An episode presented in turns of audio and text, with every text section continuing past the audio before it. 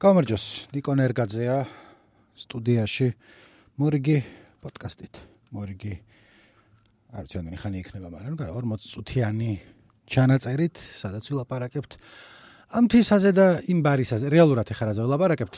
ბევრი არა მაქვს სათქმელი. უბრალოდ გაგიზიარებთ ჩემ გამოცდილებას როგორ შეიძლება ერთმა სიმღერამ ერთმა მოსმენამ რაღაცა უცებ სხვანაირ ხოძზე დაგაყენოს და მე ერთ სიმღერაზე მინდა ლაპარაკი რომელიც ძალიან მიყვარს და რომელიც შეიძლება არ კონდეთ მოსმენილი, შეიძლება კონდეთ მოსმენილი პანკური რაღაცა ეს არის და მე კიდე რაღაცა მაქვს ჩამოყრილი, რაზეც ლაპარაკი მინდა. მოკლედ, მაგრამ ეს გასაგები შესავალი არ არის, მაგრამ ამით დაკმაყოფილდით ეს არის ნიკო ნერგაძე, თქვენ უსმენთ ნიკოს პოდკასტს.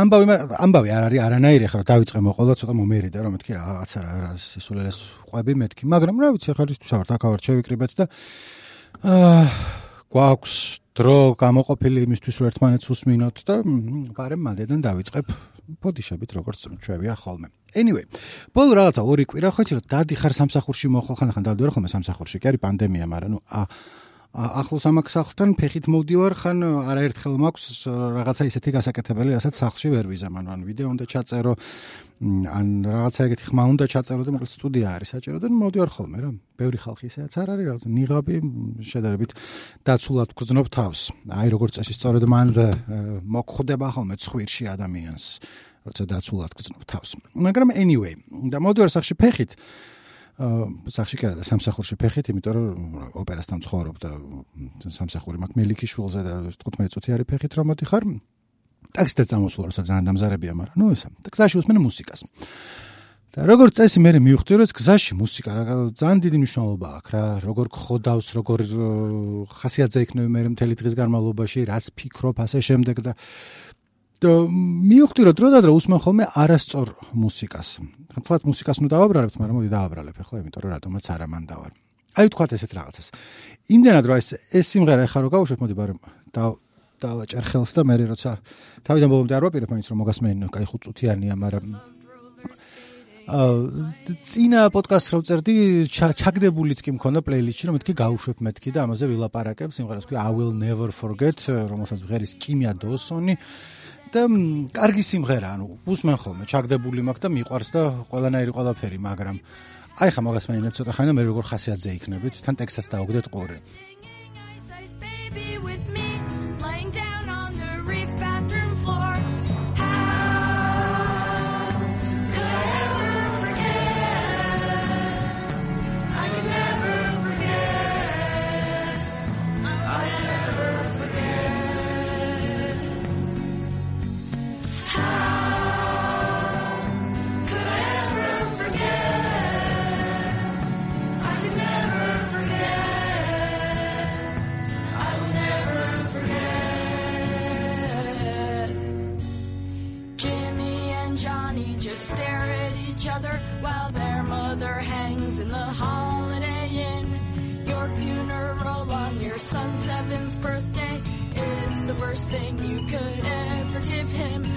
ხდებით ხო your funeral on your son's 7th birthday is the worst thing that you can მადლობა კიმიამ ანუ რას უჩივი კარგი სიმღერა არის მიყვარს მაგრამ ხო იცი რას მაგხოძე რომ მოდიხარ მე რაღაცა ისე ხარ ნა ნა ნა ნა ნა ნა ნა ნა ნა ნა ნა ვითომ რაღაც ხიარული ამბავია და სინამდვილეში it's Jimmy and Jenny just at each other while their mother hangs in a holiday inn უი მე აა ხო თუ მოგინდებათ სიმღერა არის გადასარავი თავიდან ბოლომდე მოსასმენად და კიმია დოსონი არის შეიძლება ხმაგეცნოთ იმიტომ რომ კიმია დოსონი არის ერთ-ერთ დუეტი არის ეგეთი moldy pitches შეიძლება აღარ არის და დაიშალდნენ მაგრამ ნუ იყო მაინც და მაგათი სიმღერები არის ჯუნოში მოკლედ ჯუნო თუ გინახავთ ჯუნოში რო სიმღერებს მღერიან ეგ არის ქალის მაროისმის ეგ არის კიმია დოსონი რომელსაც ხო უცნაური სახელი აქვს, მაგრამ შეიძლება იმისთვის ნიკო იყოს უცნაური, ან თქვენი სახელი გაუცნაუროთ.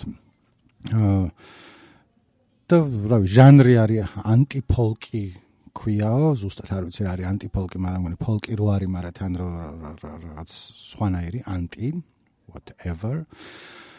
და ხო რა, ეგა, ეგ არის. მაგის თქმა მინდოდა. რო ეგ არ არის სწორი, როცა გზაში უსმენ და გინდა რომ მე ხოძზე იყო და რაღაცა შეევჭამ ყველაფერს ახლა დავიждები გავაკეთებ. ან უკეთესი ვარიანტი ქონდა ხოლმე რაღაც ხანია ამოვიჩემე როქსი მიუზიკი, რომელიც ბავშვობაში მძულდა არა მოსასმენად, იმიტომ რომ არ მომისმენია წესიერად არასდროს, უბრალოდ MTV-ზე კლიპები გადიოდა ხოლმე და Brian Ferry შესახედავად აი ძალიან არ მევასებოდა, ასეთი კოსტუმიანი, ო, ესეთი კაცი და ვერ ვაფასებდი ვინ იყო და რა იყო და ეხლა რაც რამდენიმე კვირაა დავაფასე და სულ რაღაც ეგ ამაკ ხოლმე ჩართული, რომელიც ეხლა გაცილებით უფრო უკეთესი არის ან კი ვადარებს სიმღერებს ერთმანეთს, მაგრამ ნუ მოსასმენად უკეთეს ხასიათზე გაყენებს ვიდრე ის რაღაც ქერო დედამ თავი ჩამოიხჭო ის სიმღერა, მაგრამ ნუ მაინც ხა ეს არის რა, როდნერი ნაზი, აი მოიცა მოგცეთ თან? ო არა ეს ძალიან მიყვარს მაგრამ ეს ეს ცოტა ისეთ სიმღერაა. კაბრიოლეტი უნდა ყავდეს და მზე უნდა ჩადიოდეს და ესე მიდიოდე რაღაცა მე მივდივარ ბათუმში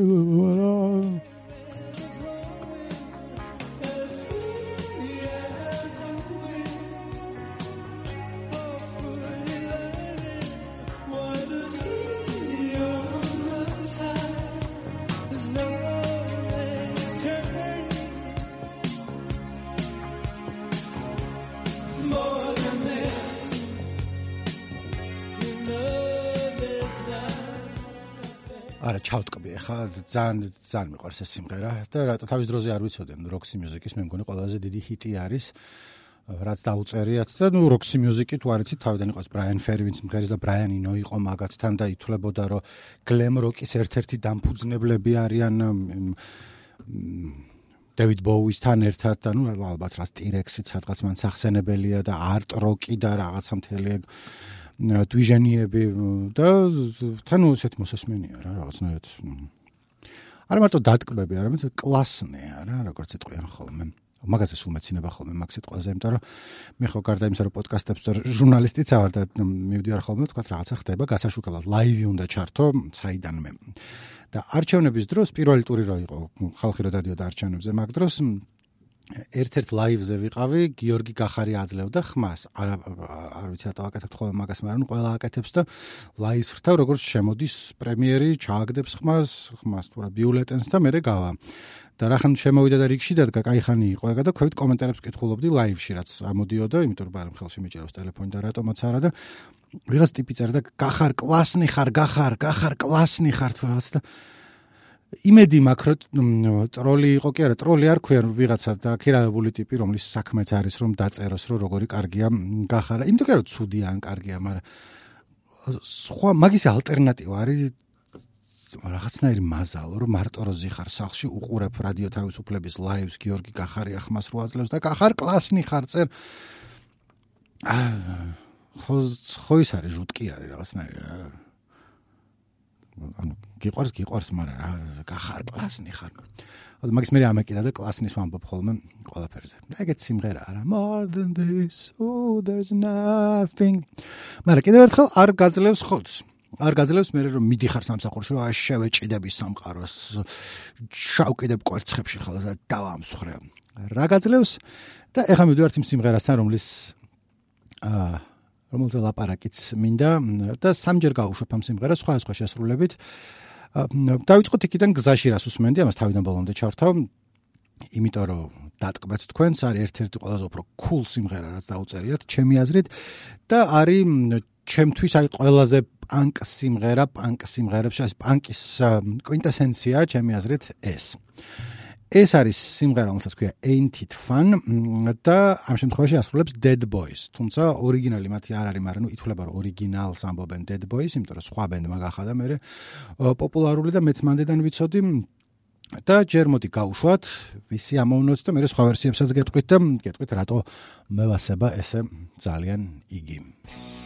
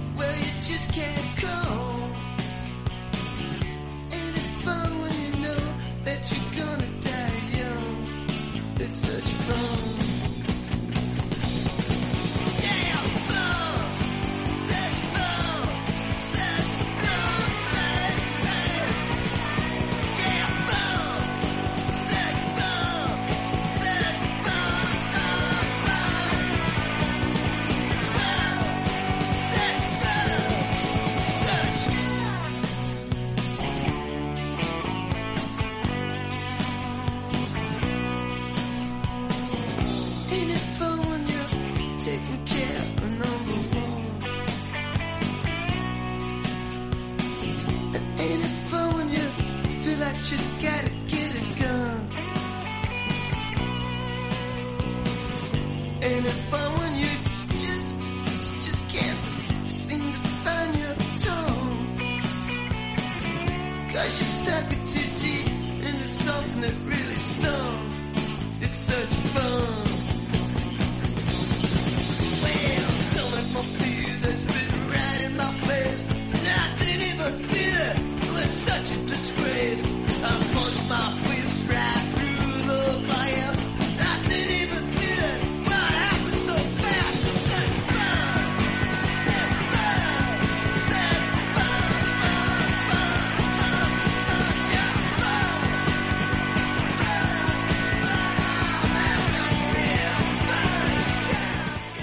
სუმფლად ბოლომდე არ გავშვებ, მაგრამ ეს სიმღერაა და ეგ მომენტი ვცდილობ ხოლმე რომ გავშვებ, იმიტომ რომ ჩემი ეს ერთ საყვარელი მომენტია საერთოდ სიმღერებში I must say, well, somebody came up to me this მე ხო კითხულობ თან თან არ შემიძლია, მაგრამ they speak right in my face, but I didn't even feel it. It was such a მიღაცა მოვიდა და სახეში შემაფურთხავ, მე არც კი მიგზნია ესეთი სირცხვილი იყო.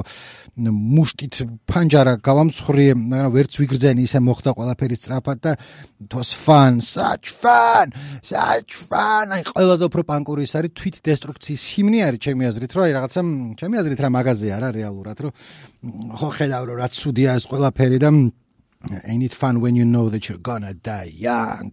It's such fun. მოკლედ სიმღერა ამ შემთხვევაში სიმღერას ასრულებს ჯგუფი dead boys რომელიც არის მონარჩენები ძველი ჯგუფისა უფრო რომელსაც ექვა rocket from the tomb. tombs რომელიც მე დაიშალა და რამდენიმე ბენდი გახდა იქიდან. ერთ-ერთი იყო ნუ რაც ექსპერიმენტული პანკ ჯგუფი პერეუბუ და მეორე იყო ეს dead boys. ანუ ორიგინალიც მაგათი დაწერილია მაგრამ სხვა სახელი არ ქო მაშინ ბენდს და ცოტა სხვა შემადგენლობა ქონდა ნაწილი სხვაგან წავიდა. და ზედად ორი იყო მამოძრავებელი მანდედან ვინც მღერისის მართლაც და ახალგაზრდა მოკვდა ციროზით თუ არ ვწდები ღვიძლის დაავადებით რომელიც გამოწეული იყო. აბა თუ გამოიცნობთ რითი რითი და ცხადია სასმელებით და ნარკოტიკებით იმიტომ რომ როგორც მღეროდნენ ისე ცხოვრობდნენ თავიდან მე რა ცოცხალია ეს მე მაგარგად ამყოფოს როგორც ამბობენ ხოლმე. მაგრამ აი ეს აქვს რა ხოდი ვთქვი 17000 ჯერ, მაგრამ აი მართლა რაღაცნაირად ისე შეგეყოფს ხოლმე რომ ფან მათი წაედით გავაფუჭოთ რაღაც, აი გავაფუჭოთ რაღაცა არის.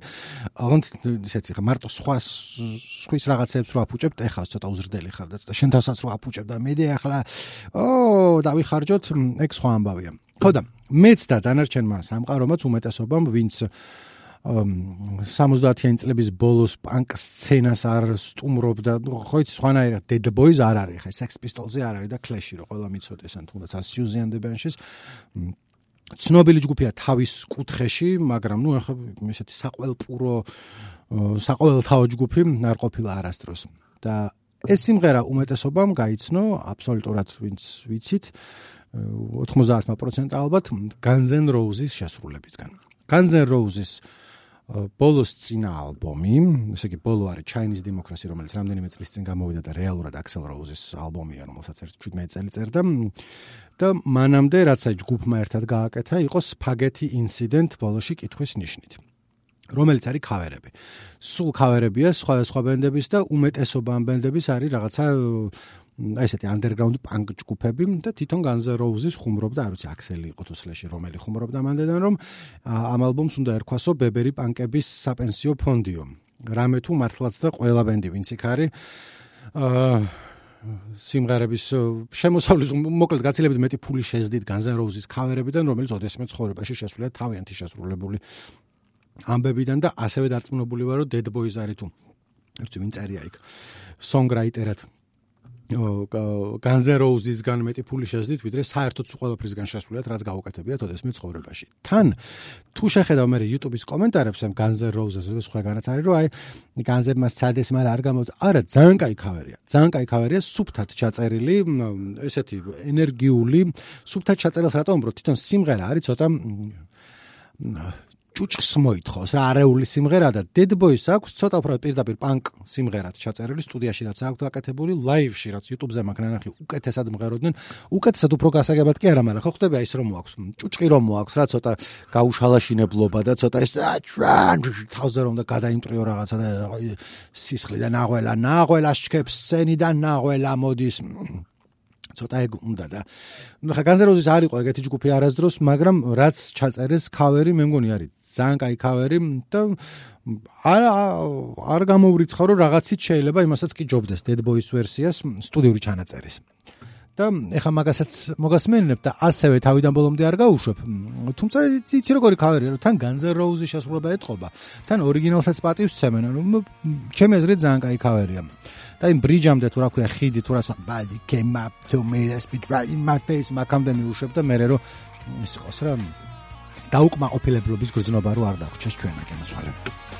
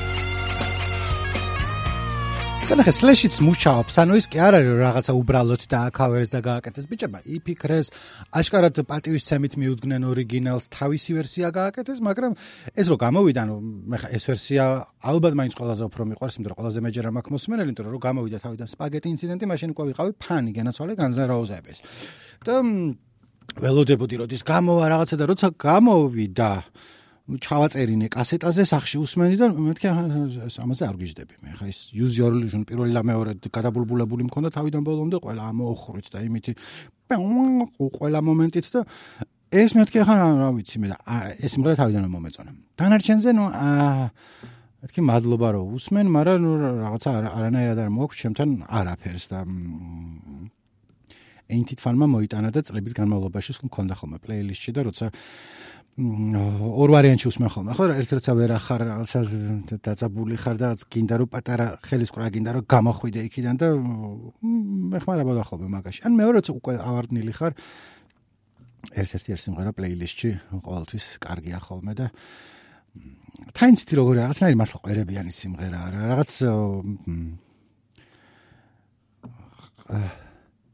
ეს განზეროზის შესრულება მაგით ამოწოს რაღაცნაირი მეტალის და პანკის შუა ტიპია და თან გაგდებს და თან ეს აი სუფთა ჩაწერილი და სლეშის გიტარა და რაღაცა უფრო გაშალაშინებული მაგასაც აქვს თავისი მუღამი რა. იმიტომ რომ და ეხლა გადავდივართ ბოლოში ორიგინალი რომელიც არის რო ახსენე რა Rocket from the Tombs is დაწერილი ამეთქი არის სულ სხვანაირი. ანუ Dead Boys-მა პანკ სიმღერა გააკეთა და ორიგინალი ხა Rocket from the Tombs პანკ ჯგუფი არ ყოფილა, იმიტომ რომ მაშინ პანკი არ იყო ჯერმანიდა მაინც პროტო პანკად მოიხსენებენ ხოლმე, ნუ პანკის წინამორბედებად და აი ეს ხა ჩავრთავ და არის უფრო აი რაღაც ბობ დილანივით მღერის, რა თქმა უნდა უფრო velvet underground-ა სიმღერაა ვიდრე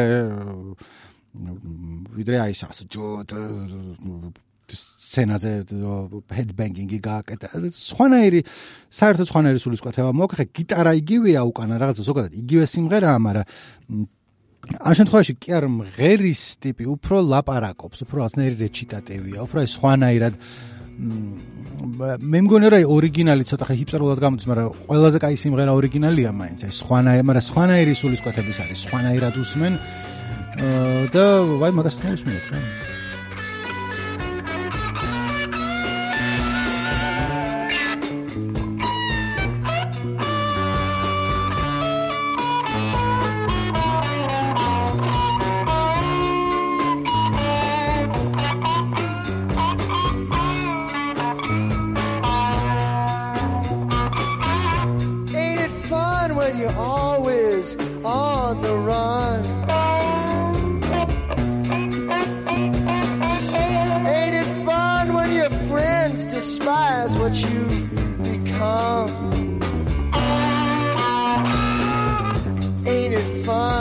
get so high that you can't come. Ain't it fun when you know that you're gonna die young? It's such fun, such fun.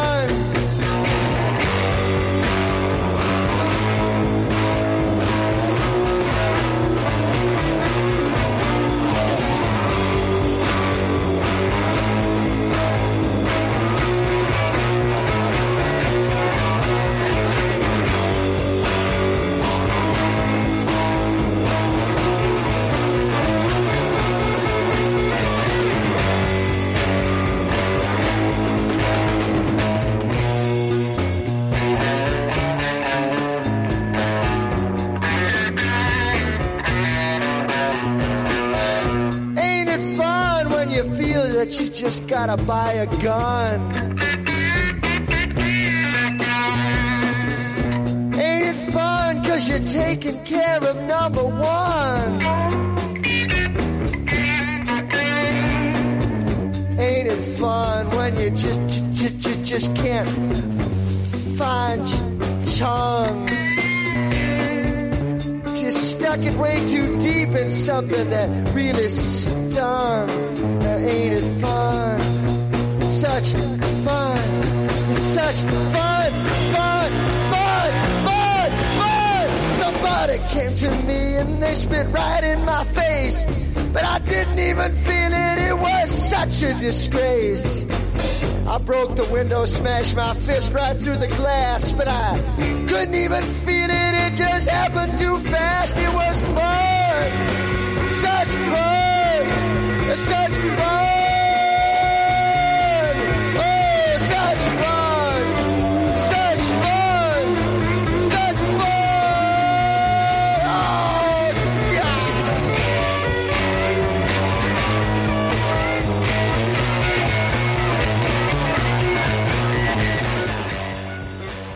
და რავი რა, კიდე მგონი რაღაცები სალაბარაკო, მაგრამ ამი დავამთავრებ დღეს და მოკლე გადაცემა ვქით, რომ შემდეგი რასაც ჯერ სტუდიიდან უნდა გავიდე, თუ რაც უჩი. ცოტა გვიან შემოვედი ჩასაწერად და შემდეგ რაღაცა კიდე სხვა რაღაცები აქვს გასაკეთებელი არაჩემს მიერ და უნდა დაუთმო ერთი და მეორე ის რომ მე მაქვს კიდე სალაპარაკო ბლომად დაგროვილი. ძირითადად რეკლამასთან დაკავშირებით, იმიტომ რომ ახლა გეტყვით რას ფიქრობ და მე რამდენჯერმე მithkoms ეს ან ხო დიდი ხანია პოდკასტი მაქვს და სალაპარაკო თემები რაც ამაქვს ხოლმე აზრი გასაზიარებელი მაქვს 10 კაცი გამოწია ნუ არა ყველანი ადამიანები ვართ და არა არა მაქვს მრავალფეროვანი ბევრი სალაპარაკო და ერთ-ერთი არის რომელზეც რამდენჯერმე მილაპარაკია რომა რომელზეც რამდენჯერმე მილაპარაკია რომა არის ჩემი მიდგაცრუება რეკლამობის მიმართ. იმიტომ რომ რა ვიცი, რაც თავი მახსოვს, სულ პატარა ვიყავ, მე-10 კლასზე, მე-11 კლასში წავიკითხე სტივენ კინგის კუჯო, სადაც ერთ-ერთი სიუჟეტური ხაზი არის რაღაც ტიპზე, რომელიც მე რეკლამი არის, რეკლამებს აკეთებს და მეთქა ამის გაკეთება მინდა ცხოვრებაში, ამას ვიზამდი და ბოლო რამდენიმე წელია, აი სულ მეორე და მაგას ვასწავლე, ანუ ისეთია, ვიცი რეკლამა რა, ანუ ვიცი რეკლამა ამოხსნილი კი არა მაქვს, მაგრამ ნუ უნივერსიტეტში ვასწავლე.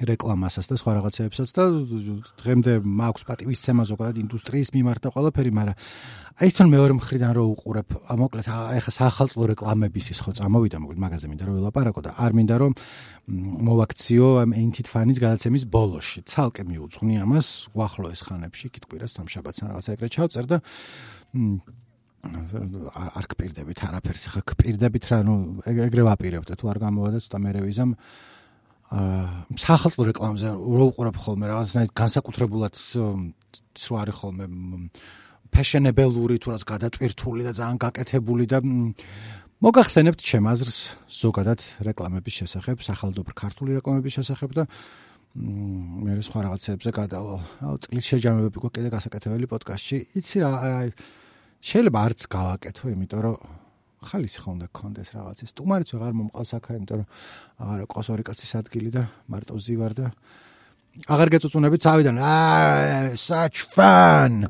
such fun. როცა დაწუწუნდები ხოლმე მე მაგაზე გადმოდივარ. such fun. რა სიტყვა და პერაუბუ ჩემს აქციელზე როცა გაიგებს რომ წუწუნებ. რა სიტყვა და არა such fun. აა